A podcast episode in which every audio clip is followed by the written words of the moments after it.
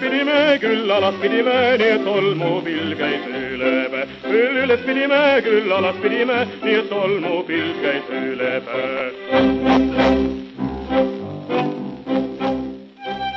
tere kuulamast tasku Vikerkaart Ida raadios, Spotify's, Apple podcastis, Vikerkaare kodukal ja igal pool mujal täna räägime Kristina Pirk-Vellemaga, kes kirjutas septembrikuu Vikerkaares väga hea artikli pealkirjaga seksuaalkasvatusest ülemineku ajal. palun kõigil lugeda, nendel teemadel täna räägimegi. Kristina, kui sa hakkasid uurima seksuaalkasvatust äh, äh, tuhande üheksasaja kaheksakümnendatel ja üheksakümnendate alguses, kui palju sa leidsid sealt üllatavat ja kui palju oli sinu uurimustus seda, mis pani sind ütlema, et okei okay,, et see tuleb juba tuttav ette mm.? Kuna ma olen nii alles jõudnud minu jaoks sellisesse uurimustööjärku, et väljaspool nii-öelda teadustööd või, või uurimust ma olen nendel teemadel naistega väga-väga mitmeid aastaid ja kaua vestelnud ja rääkinud, aga muidugi mitte nii sügavuti, et, et mis võib-olla tegelikult ei üllatanud, aga jõudis kuidagi teravalt kohale, olid need privileegi vahed Äh, seal nõukogude aja sees, kui näiteks noh, neid naisi, kellega mina rääkisin, oli kakskümmend kaks, et kui noh, valdav enamus ikkagi rääkis sellest menstruatsioonipainest ja sellest, kuidas ma ei tea, vatti polnud kätte saada ja ja noh, seal on päris siuksed nukrad näited, eks ole, ka seal artiklis välja toodud et siis oli ka neid naisi, kel, kes rääkisid täitsa nagu noh, selles mõttes, neil olid sidemed kättesaadavad ja ka üheksakümnendatel juba hügieenisidemed ja ma nagu ise mõtlesin, et üheksakümnendate alguses me olime, me olime nagu puuvaesed. et seda, noh, neid kättesaadavaid võimalusi äh, ja nende erinevus ja noh, ma ütlen, et ta ei olnud nagu nii õudne üllatus, aga ikkagi ta jõudis nagu kuidagi väga selgelt kohale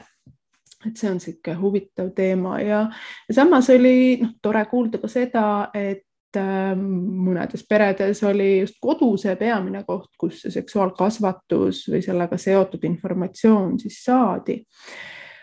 ähm,. mis jälle, ma ei saa öelda, et on üllatuseks, sest kui sa noh, nii pikalt tegeled mingis valdkonnas, siis, siis äh, võib-olla jah, noh, sa saad kogu aeg midagi uut teada, aga kas see nüüd nii väga just üllatab, aga aga et see intervjuu oli väga mitmele naisele esimene kord, kui nad seksuaalsusest üldse teadlikult rääkisid. ja paar korda ka esimene kord, kus oma traumadest räägiti, et noh, seksuaalkasvatuse kui sellise kohta jah, et otseseid üllatusi ei olnud, aga jah, see mitmekihilisus ja, ja ka need erinevad jah, privileegid ja, ja erinevad võimalused, et see nagu avanes kuidagi, rullus mu silmade ees ja, ja kõrvades lahti nende naiste lugudes.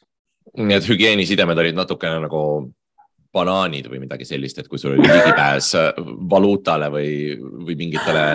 Soome sõpradele, siis sa võib-olla said neid natukene lihtsamalt ja pandi kappi, kuni nad küpsesid nojah, just nimelt see, see, et kapis kusagil mingi vatt millalgi oli mm? ja et seda käis sageli läbi ja sageli käis läbi ka see, et see oli mingisugune õmblusvatt, mingi takune vatt. jah, et ta oli tehkakaup äh, ja, ja isegi mitte hügieenisidemed, vaid äh, vatt ise ka kui selline, et noh, neid ühekordseid sidemeid, see oli üldse mingi mingi harukordne juhtum, kui neid kusagilt kätte sai. et me räägime ikkagi sellisest hilisnõukogude ajast ja mm -hmm, mulle tundub, et meie äh, sellises kollektiivses mälus nõukogude periood on, on natuke selline üks hall ala mm, -hmm. äh, mis äh, noh, kus mõnikord lähevad natukene segamini need perioodid, kus, kus küüditati inimesi ja need perioodid, kus oli äh, sula ja kus oli lihtsalt stagana aeg mm. -hmm. Mm -hmm. ja, ja tegelikult eks ju, Nõukogude Liit oma poliitikates oli, oli väga erinev, sõltuvalt sellest mm, -hmm. mis, mis perioodist vaadata, et kuidas äh, Nõukogude seksuaalpoliitikaga oli, et äh, mil, mil määral see erines, kui, kui tüüpiline või kui eriline see kaheksakümnendate periood oli, mida sina vaatlesid sellises nagu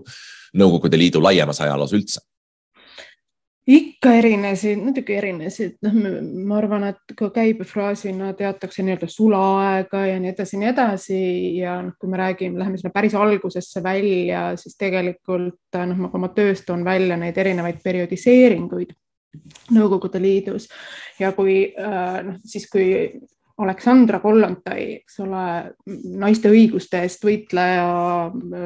vaba armastuse eest rääkija ja nii edasi, nii edasi, et, et, et kui me läheme sinna, mis eelnes siis tuhande üheksasaja kahekümnendale aastale ja, ja sealt edasi natukene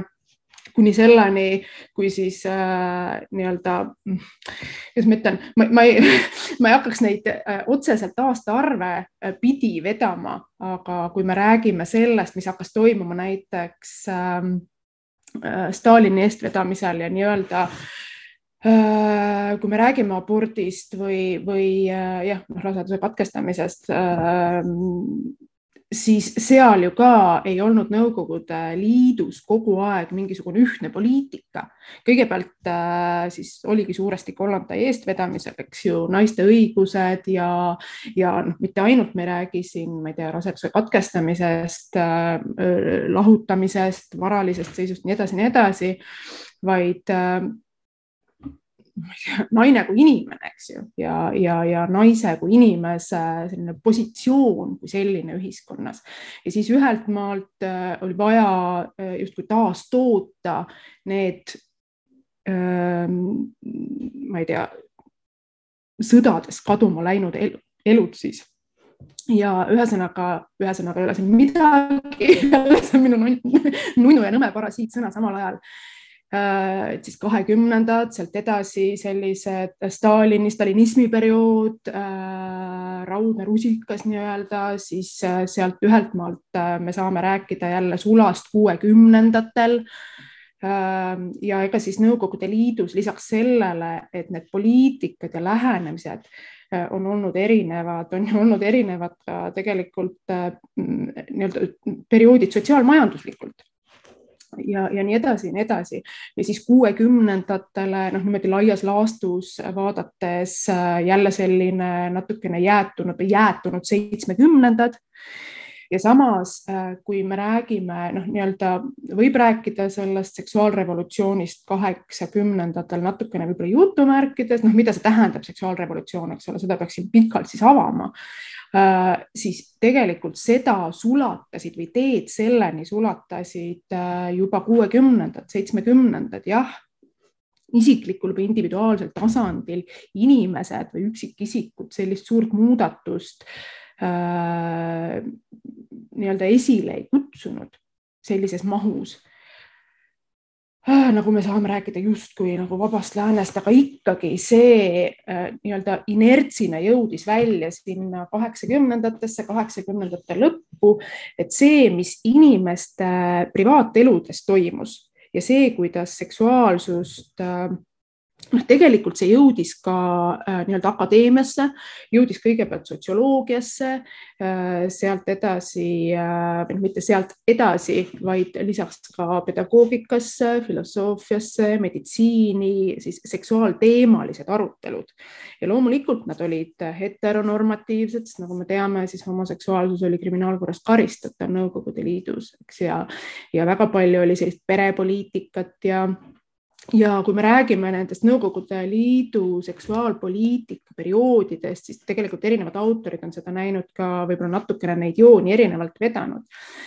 et Anna Rotkirch, kes on äh, siis äh, Soome seksoloog, et tema periodiseerib võib-olla natukene täpsemalt, natukene laiemalt ja Igor Konn siis äh, omal ajal äh, vene seksoloogina äh, on periodiseerinud neid, neid perioode natukene võib-olla selliselt, noh, et ta ei ole nagu natukene üldistavamalt, ütleme siis niimoodi, et jah tulles tagasi võib-olla tehes lühike kokkuvõte, siis ei, seksuaalpoliitika ei olnud Nõukogude Liidus ka ühesugune, oli selline revolutsiooniline periood ja väga suuresti tõepoolest Aleksandra Kollontai äh, on olnud see inimene seksuaalse vabaduse ja naiste vabaduste eest rääkija, siis. tema, temast võib lugeda pikemalt märtsikuu Vikerkaarest, lihtsalt teen siin, promon tuimalt oma asja. Väga hea. Ja,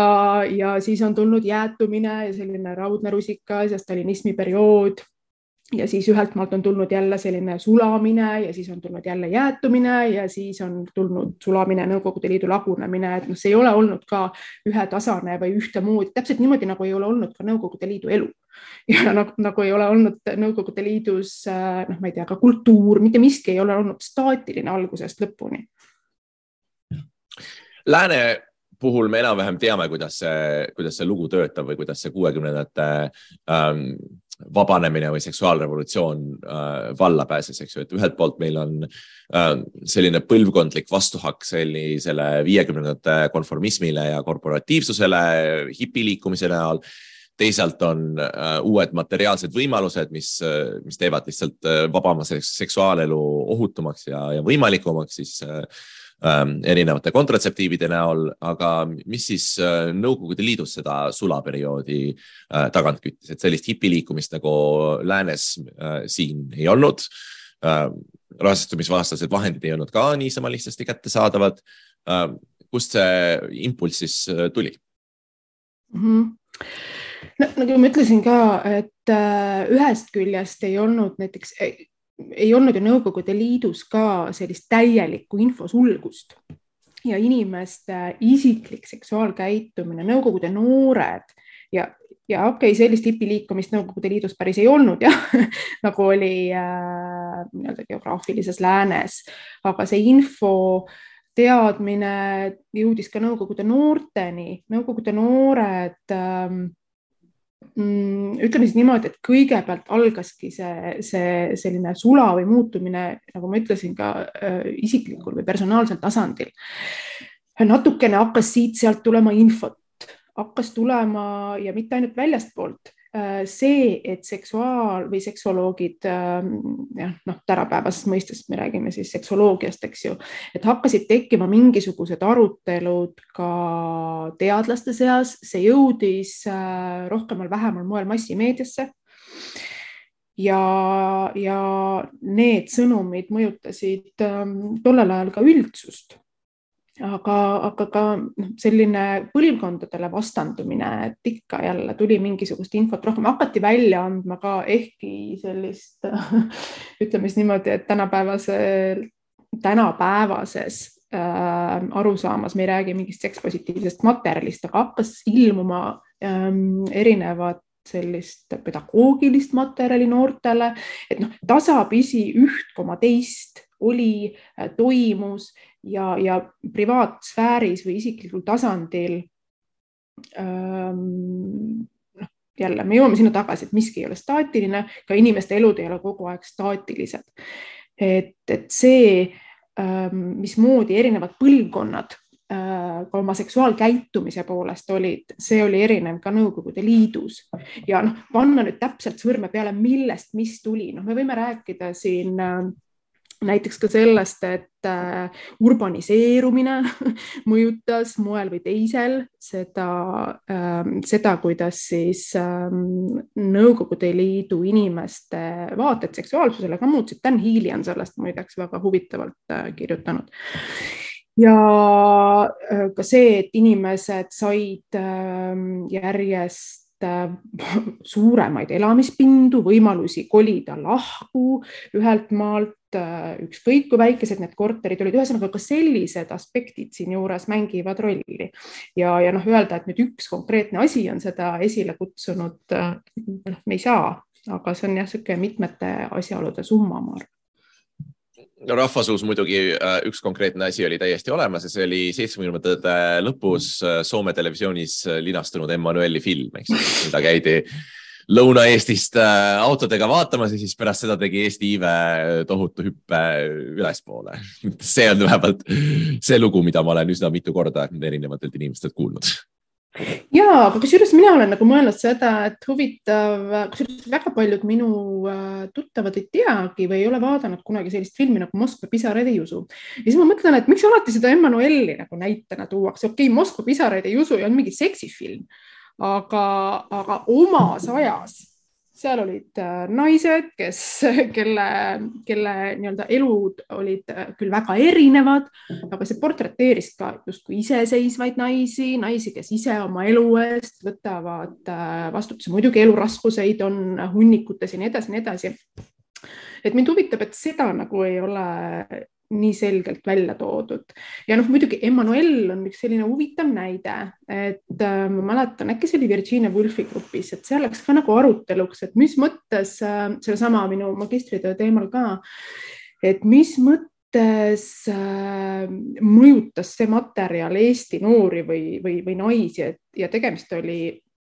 minu meelest Tallinna-põhiste inimestega, et me kõik teadsime, et see on nali ja me ju nägime Soome televis televisiooni ja naersime nende materjalide üle. ja siis ma nagu hakkasin mõtlema, et see on nagu sihuke suht privileegi pime lähenemine, sest äh, Eesti ei ole ainult Tallinn. mina Pärnus ei näinud mingit Soome televisiooni ja, ja, ja kindlasti sõitsidki väga paljud inimesed autodega kusagile kohale või kellel oli võimalus see salvestas, olid mingid videomakid, mul ei olnud mingit videomakki näiteks kodus ja nii edasi ja nii edasi, et, et siin jälle kui sa nagu alguses küsisid, et noh, mis üllatas ja noh, nagu ma ütlesin, mis otseselt ei üllatanud, aga, aga nagu rullus kuidagi lahti, olid need erinevad võimalused ja ka, ja ka privileegid nendes, ka selles ühiskonnas väga selgelt, noh siis siin tuleb ka see esile, et mitte kõigil ei olnud ligipääsu Soome televisioonile, sellele teisele, kolmandale, et noh, siin on ka neid erisusi päris palju, et kindlasti jah, Emmanuelist räägitakse palju äh,, avameelselt abielust äh, on raamat, millest räägitakse palju et Äh, kindlasti on nendel olnud äh, mingisugune mõju, ma ei tea, seksuaalkultuurile või mingitele arutelule, arutele, aruteludele, aga seda mõju on väga keeruline mõõta ja ma nüüd ei, ei arvaks, et see mingi seksuaalrevolutsiooni esilekutsuja on otseselt olnud, et ähm, aga jah, seda oleks huvitav uurida küll. kuulame vahepeal muusikat She's crazy like a fool.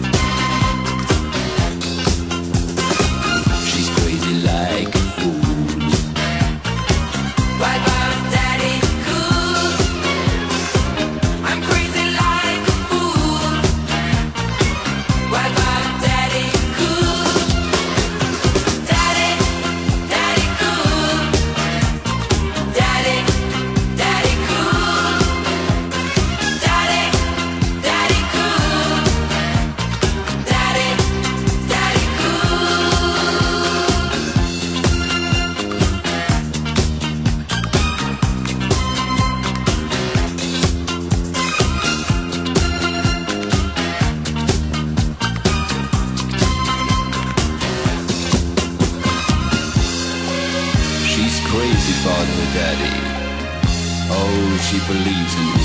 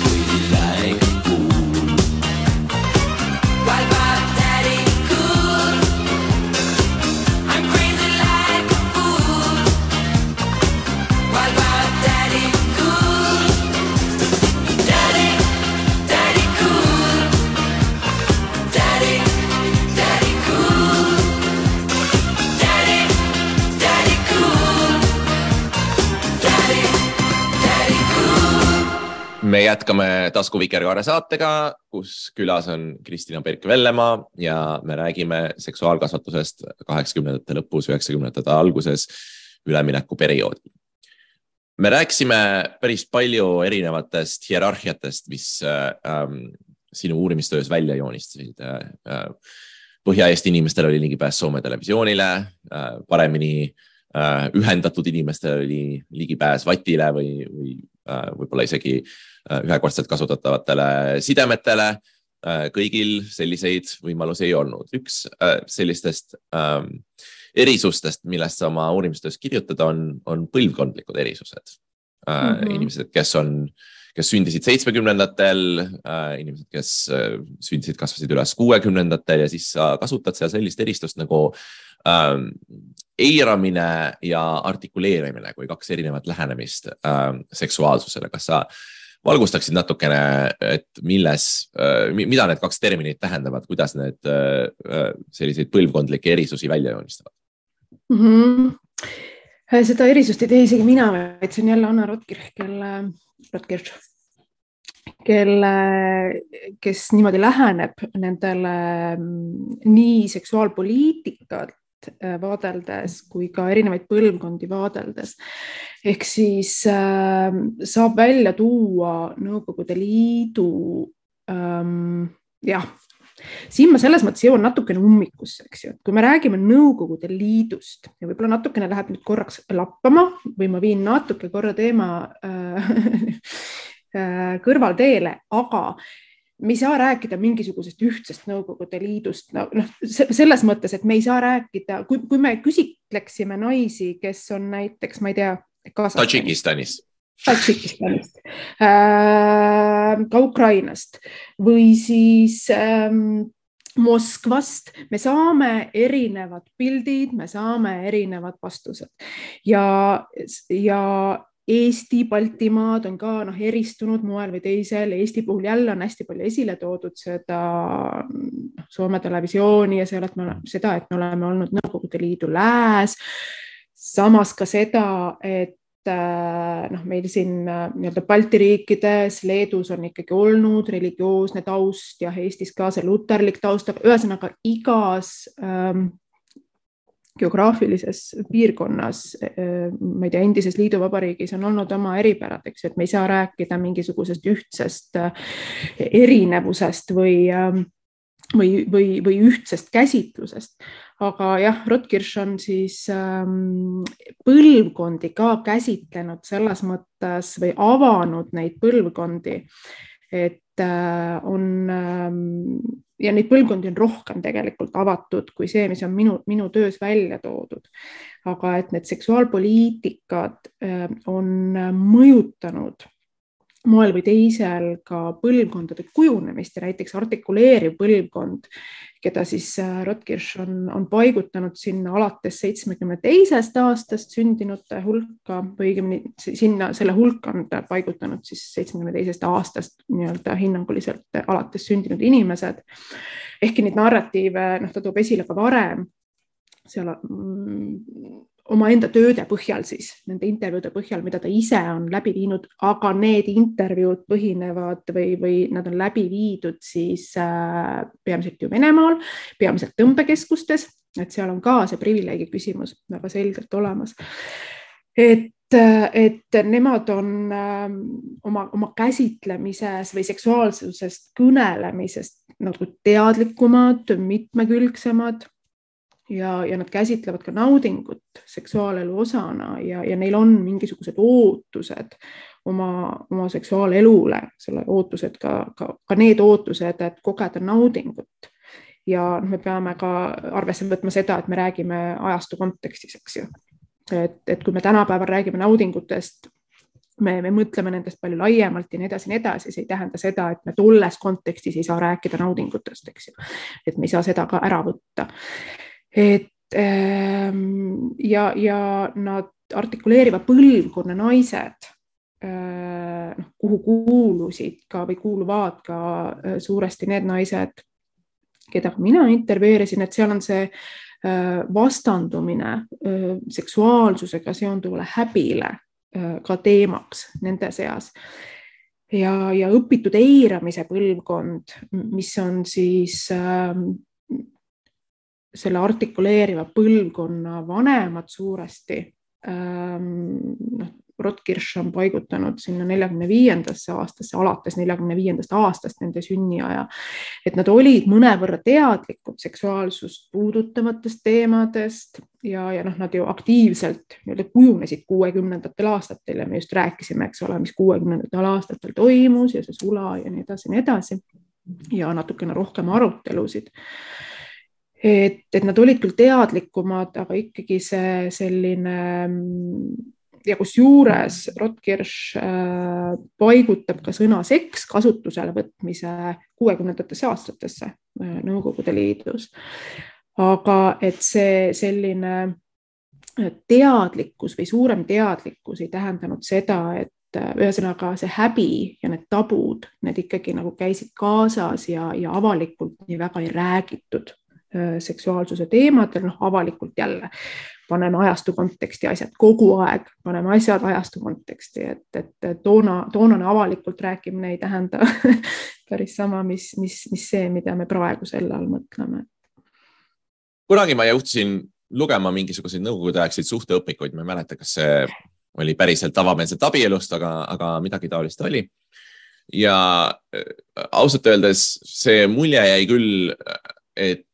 tegemist oli ikkagi metsikult puritaanlike tekstidega, et, äh, et, et suur osa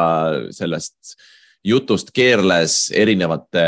ohtude ja, ja patoloogiate vältimise ja, ja muu taolise ümber, noh stiilis, et, et magada tuleb ikkagi käed teki peal, sellepärast et muidu võib tekkida käsikiimluse oht ja, ja, ja muud taolised küsimused, et kas see Äh, kas see on äh, adekvaatne mälestus äh, toonastest suhteõpikutest või äh, oligi see diskursus nii moraliseeriv ja, ja nii puritaanlik või äh, oli seal mingit muud pilti ka sellistes äh, siis nii-öelda ütleme siis ametlikes või pedagoogilistes tekstides? ikka päris adekvaatne jah. ja ja noh, kusjuures ma jah ei tea, et mul ei ole äh, võrdlust äh, ühtegi, ühegi, seitsmekümnendate aastate tekstiga, mis äh, ei oleks siin välja antud seda oleks ka päris huvitav võrrelda. aga too materjal jah, mis siis sai eesti keeles välja antud, see on jah, niisugune hoiatav, puritaanlik ähm, ja noh, minu, minu uurimisteema on, eks ole, naiste või konkreetselt siis magistritöö teema, kuigi ma oma, oma tulevastes uuringutes tahan ikkagi nagu ka sellest naisuurimusest äh, natukene laiemasse äh, teemasse jõuda, aga et see, mis naistele või tüdrukutele siis edastati, need sõnumid, mida tüdrukutele edastati ja ka noormeestele, äh, nad olid sellised väga stigmatiseerivad, tüdrukute seksuaalsust eitavad ja need tekstid, mis olid suunatud tüdrukutele, noh, seal oli kirjas siis see, et noh, korralik tüdruk, eks ole, ei, ei astu seksuaalvahekorda. Ja need on väga erinevad tekstid, kusjuures, et kui sa neid raamatuid korraga loed, noh, mul sai oksendamiseni sellest ausõna. See on niisugune üledoos, mida sa lõpuks saad. et sa ei, ei astu seksuaalvahekorda enne abielu ja kui äh, Ene Kook on üks autoritest, keda on noh, hästi palju ka tsiteeritud nii Andreas Kalkun kui, kui, kui ka teised autorid, Eve Annuk minu meelest ja, ja et korralik tüdruk äh, astub seksuaalvahekorda või õigemini sõnum oli see, et kui naine alustab seksuaaleluga, siis ta peab olema valmis selleks, et ta äh, rasestub ja ta kasvatab lapse üksi üles. et sellised sõnumid, sellised sõnumid, et jumala eest sinu need sidemed ei satuks kellegi silma alla ja, ja noh, see, kuidas tunda ennast menstruatsiooni ajal mugavalt, ei olnud pooltki nii oluline kui see, kuidas ühiskond. et keegi ei paneks tähele seda, et sul, sa menstrueerid. et ära palun tülita ühiskonda oma rõveda menstruatsiooniga, et noh, see sõnum põhimõtteliselt ja, ja, ja sõnum, mida jah, päris äh, hirmuäratavad näited sellest, et, äh, et kui sa äh, kuskil autosõidu ajal peaksid äh, vajama sidemete vahetamist, et siis palun äh, mata need sidemed äh, sambla alla või kaeva maa sisse, et jumala eest keegi nagu maantee ääres ei, ei näeks seda, et sa oled ka elav inimene olnud. no just ja no sõnumid, mida siis noormeestele anti, oli see, et jah, sinu seksuaalne tung, muidugi käed teki peal on ju, ära onaneeri, see võib probleeme tekitada. Aga et sinu seksuaalne tung, see on arusaadav, aga sa kindlasti ei peaks looma suhteid tütarlastega, kes on olnud varem vahekorras ja liiga vara vahekorras. Ja noh, see liiga varajane vahekord on siis seal ka kuueteistaastased, no põhimõtteliselt tüdrukud, kes on enne abielu olnud vahekorras nõu-nõu ja, ja samas noh, meeste puhul on nagu öö, arusaadav, et see seksuaalne tung on olemas äh,. aga noh, eks sellest räägiti ka niimoodi hillitsetult pigem ja, ja ikkagi noh, selline moraliseeriv toon oli pidevalt olemas ja ka see, et et sa pead arvestama sellega, mida sootsium arvab sinu käitumisest, mida ühiskond arvab sinu, ka sinu suhtest, et kas see partner kelle sina endale valid, kas selle kiidab heaks ka ühiskond, et noh, ka sellised sõnumid seal äh, hästi nagu läbivalt käivad läbi, mm. -hmm. mis on päris huvitav, eks ju, äh, selles mõttes, et see on noh, suuresti selline kodanlik moraal, eks ju, et, et väga palju sellist äh, nõukogude äh, retoorikas väljendatud võrdõiguslikkust, kus äh, meestel ja naistel on äh, Äh, mehed ja naised on võrdselt indiviidid ja mõlemil on õigus avalikkusele ja, ja iseseisvate otsuste tegemisele, seda siin väga palju ei ole, et siin on selgelt ikkagi äh, naine on see, kes peab oma äh, bioloogiat kuidagi teiste eest varjama äh,, kes peab rohkem muretsema selle pärast, et, et mida ühiskond temast arvab, et kas ta ikkagi kiidetakse heaks, kas tal, et tal on mingisugune vooruslikkus äh, mm., mida tuleb äh, tohutult äh, hoida ja ja, ja edendada. et see on päris sellises huvitavas kontrastis sellise ametliku ideoloogiaga mm -hmm.. kusjuures Ene Kook, äh, et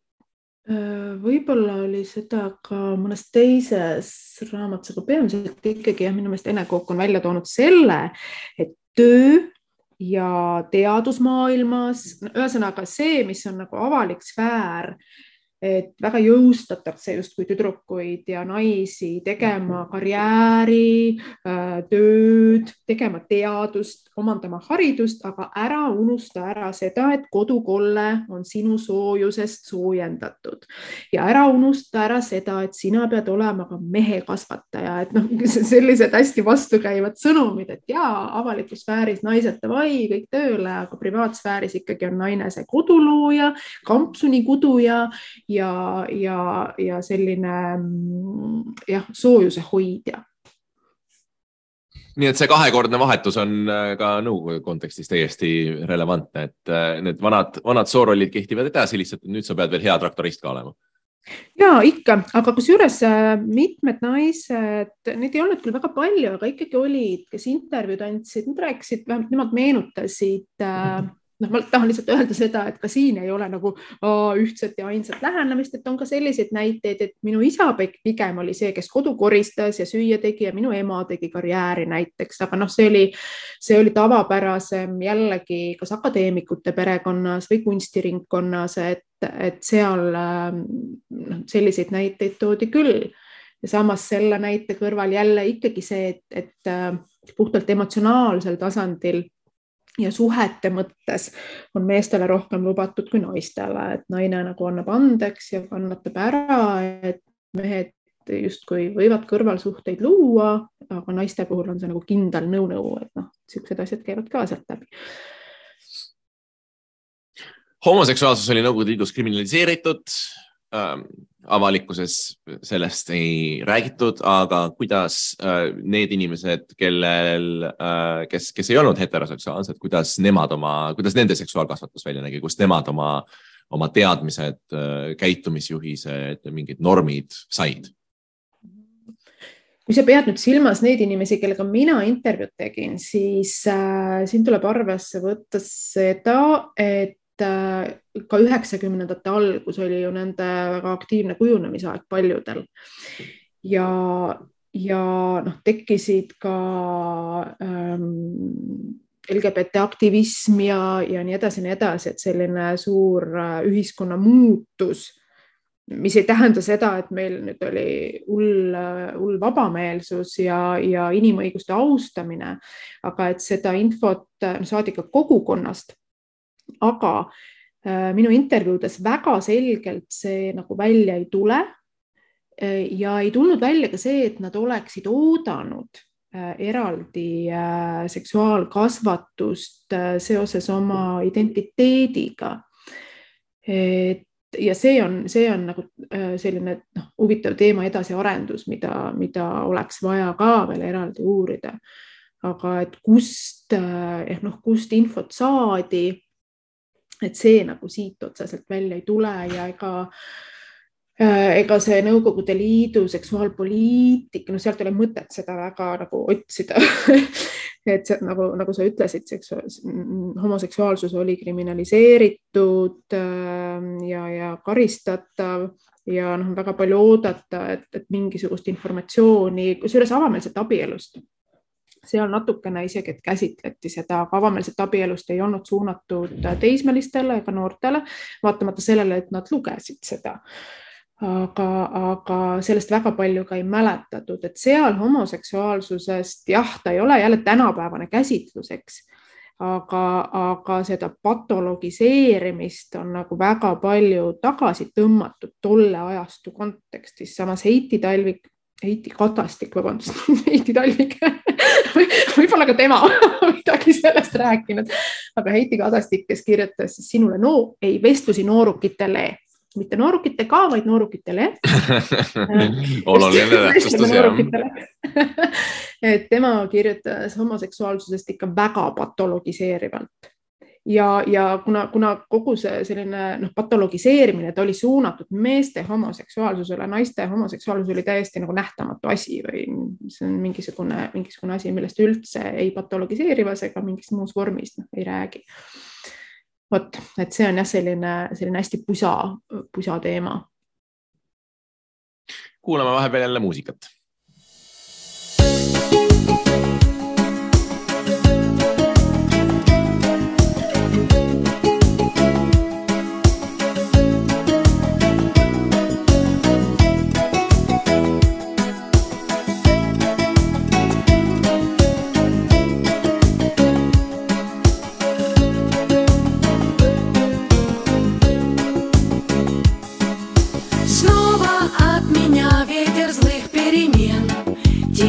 уносит, не оставив мне даже тени взамен. И он не спросит, может быть, хочу улететь я с тобой, желтой осенней листвой, птицы за синей мечтой. Позови меня с собой, я приду сквозь злые ночи, я отправлюсь за тобой, чтобы путь мне не прорвать.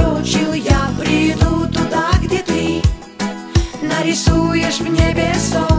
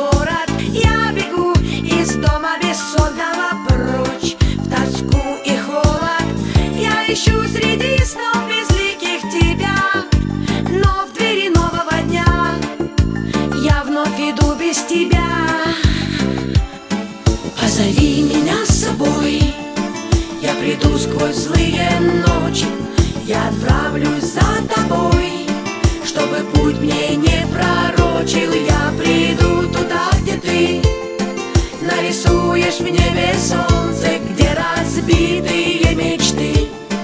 Обретают снова силу высоты. Позови меня с собой Я приду сквозь злые ночи Я отправлюсь за тобой Чтобы путь мне не пророчил. Я приду туда, где ты Нарисуешь в небе солнце снова силу высоты. Позови меня с собой. Я приду сквозь злые ночи. Я отправлюсь за тобой. Чтобы путь мне не пророчил Я приду туда, где ты. Нарисуешь в небе солнце Где разбитые мечты. Обретают снова силу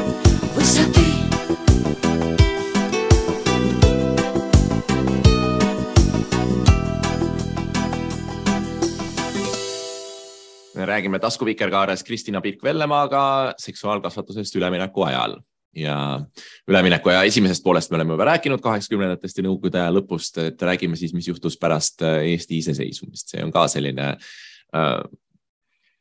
seksuaalsuse vaatevinklist väga-väga huvitav periood, mida äh, jällegi rahvasuus võib-olla meenutavad sellised äh, äh,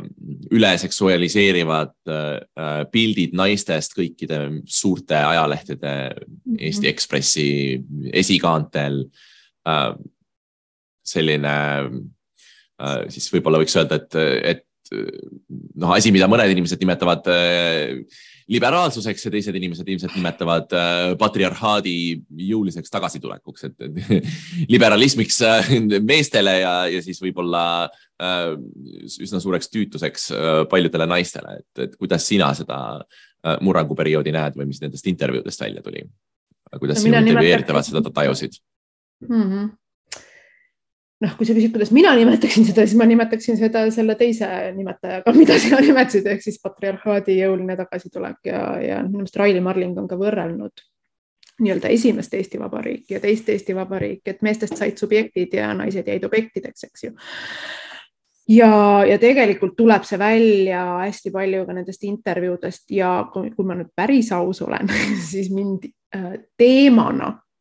äh, ja ajastuna kõnetab see üleminekuperiood isegi rohkem. Võib-olla ka sellepärast või suuresti ma arvan ka sellepärast, et see selline auto, no ühesõnaga, et see minu enda kujunemise aeg jäi sinna üheksakümnendatesse väga suuresti ja seda segadust ja, ja, ja samas ma väga palju suhestusin sellega just, just sellest ajast äh, pärit, pärinevate mälestustega, mida rääkisid minu intervjueeritavad äh,. hästi palju äratundmist ja, ja samas ka huvitavaid selliseid äh, erinevusi. et no näiteks äh, me võime tõlgendada mingeid asju äh, ühtepidi ja teistpidi ja, ja me indiviididena saamegi omad kogemused ühest või teisest nähtusest, et see ei ole ka sihuke universaalne asi. ma mäletan, üks intervjueeritud, tema rääkis sellest, kuidas talle mõjus meeletult jõustavalt üks ja ta oli siis noor täiskasvanu vist juba, üks Madonna video mis oli, mis oli, noh, me teame, et Madonna on mänginud nende piiridega ja, ja lõhkunud neid piire ja, ja väga teadlikult tegelenud sellise provotseerimisega, et tema jaoks oli see Madonna pilt väga jõustav samas ma korra teen siin kõrvalhüppe, et äh, kui nüüd hakata mõtlema, millist kehapilti me nendest videotest oleme saanud, eks ju, et milline keha on siis seksuaalne ja seksikas keha, no ei ütleks, et see väga kehapositiivne on, aga see selleks Mm -hmm. Et ähm, ja väga mitmed naised rääkisid sellest, kuidas nad äkitselt hakkasid kogema ja jälle siin võivad olla asjad omavahel seotud, suuresti ongi, kui sa jõuad teismeikka seal üheksakümnendatel, siis sa hakkadki kogema mingeid kogemusi, aga samas äh, noh, toodi esile seda, et mingid asjad, mis olid varem põlu all või kuidagi noh, ühesõnaga, et justkui oli kõik lubatud äkitselt, et isegi sellist ühiskonna hukkamõistu ei olnud enam mingile käitumisele.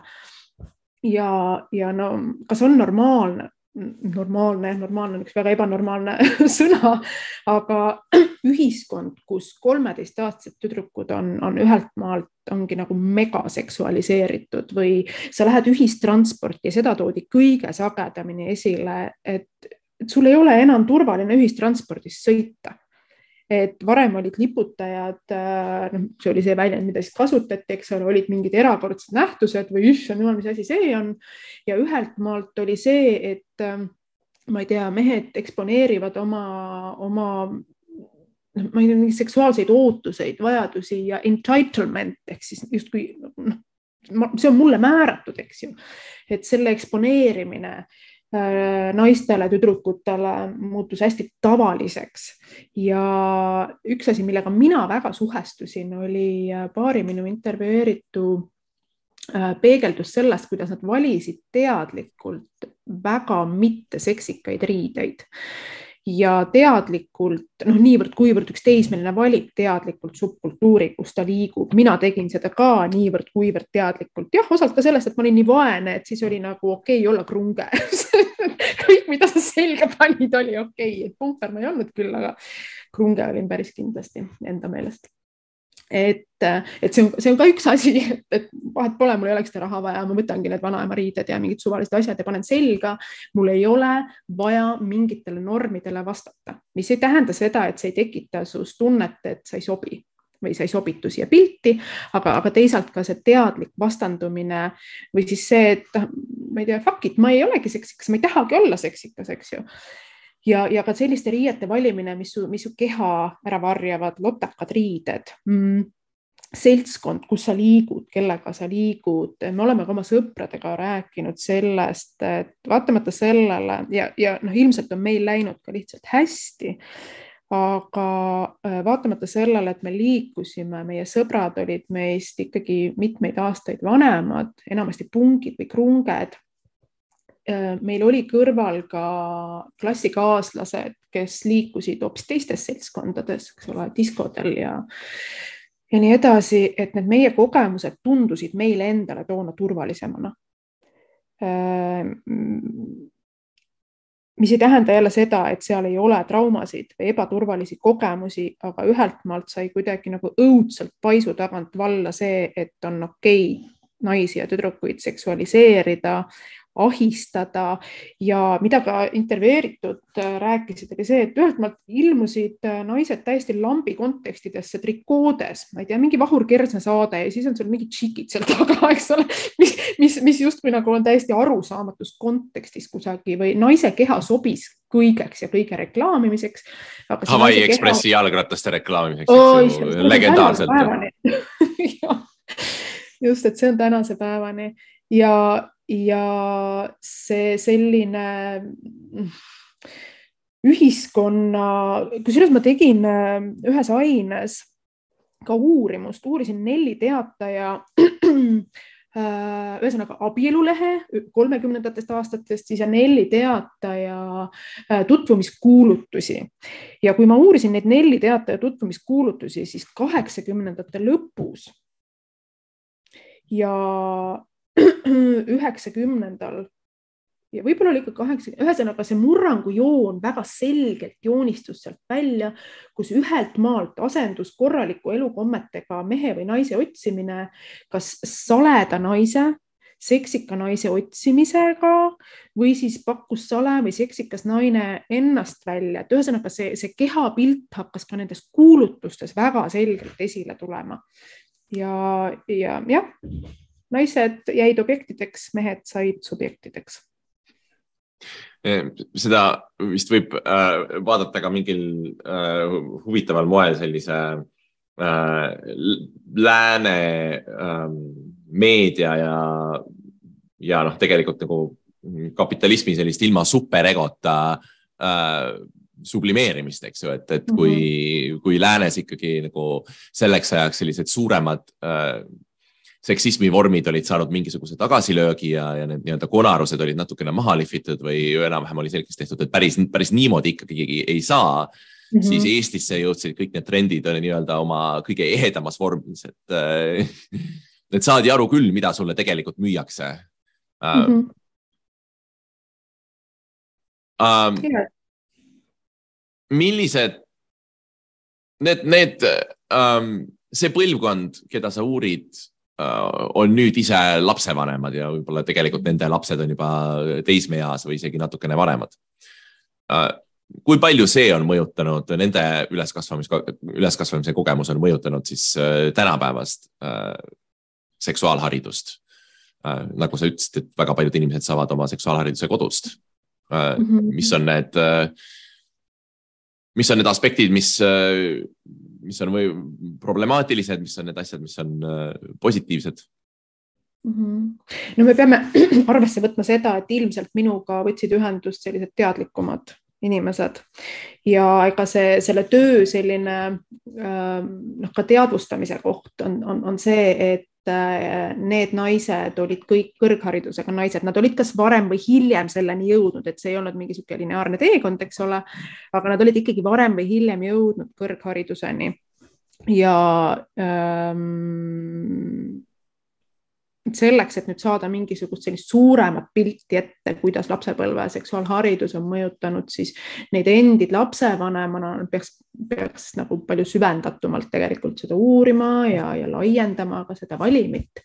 teadlikult, kusjuures mina ise ei, ei, ei otsinudki, et inimesed leidsid või noh, vastasid minu kutsele. aga see selleks, need naised, kellega mina rääkisin, väga palju tõid esile seda, et nad ise lapsevanemana on püüdnud toetada oma lapsi ähm, just sellepärast, et ei tekiks seda häbi, et ei tekiks seda hirmu ja, ja üks selline märksõna, mis sealt nagu päris korduvalt läbi käis, oli see üksindus. et seda üksinduse kogemust Äh, nende lapsed ei kogeks et sa oled üksi jäetud mingisuguse infotulva sees, mis sest, et meil praegu tuleb seda infot ustest ja akendest, allikakriitikat peame me ikkagi vanematena õpetama oma lastele ja, ja olema valmis nendega rääkima ja ja olema valmis neid kuulama, hoidma ukse lahti ja nii edasi, nii edasi, et seda küll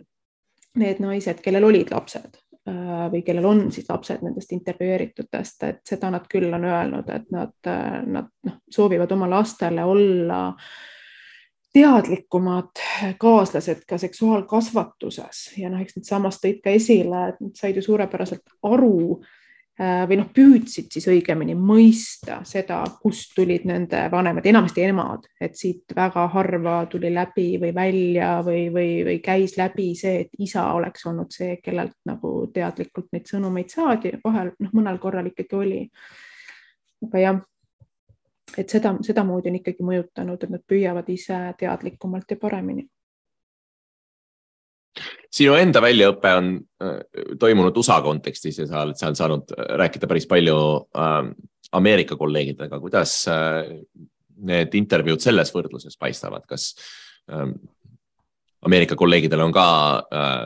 mingeid sarnaseid lugusid rääkida, mis, mis seal see relevantne kontekst on? Ja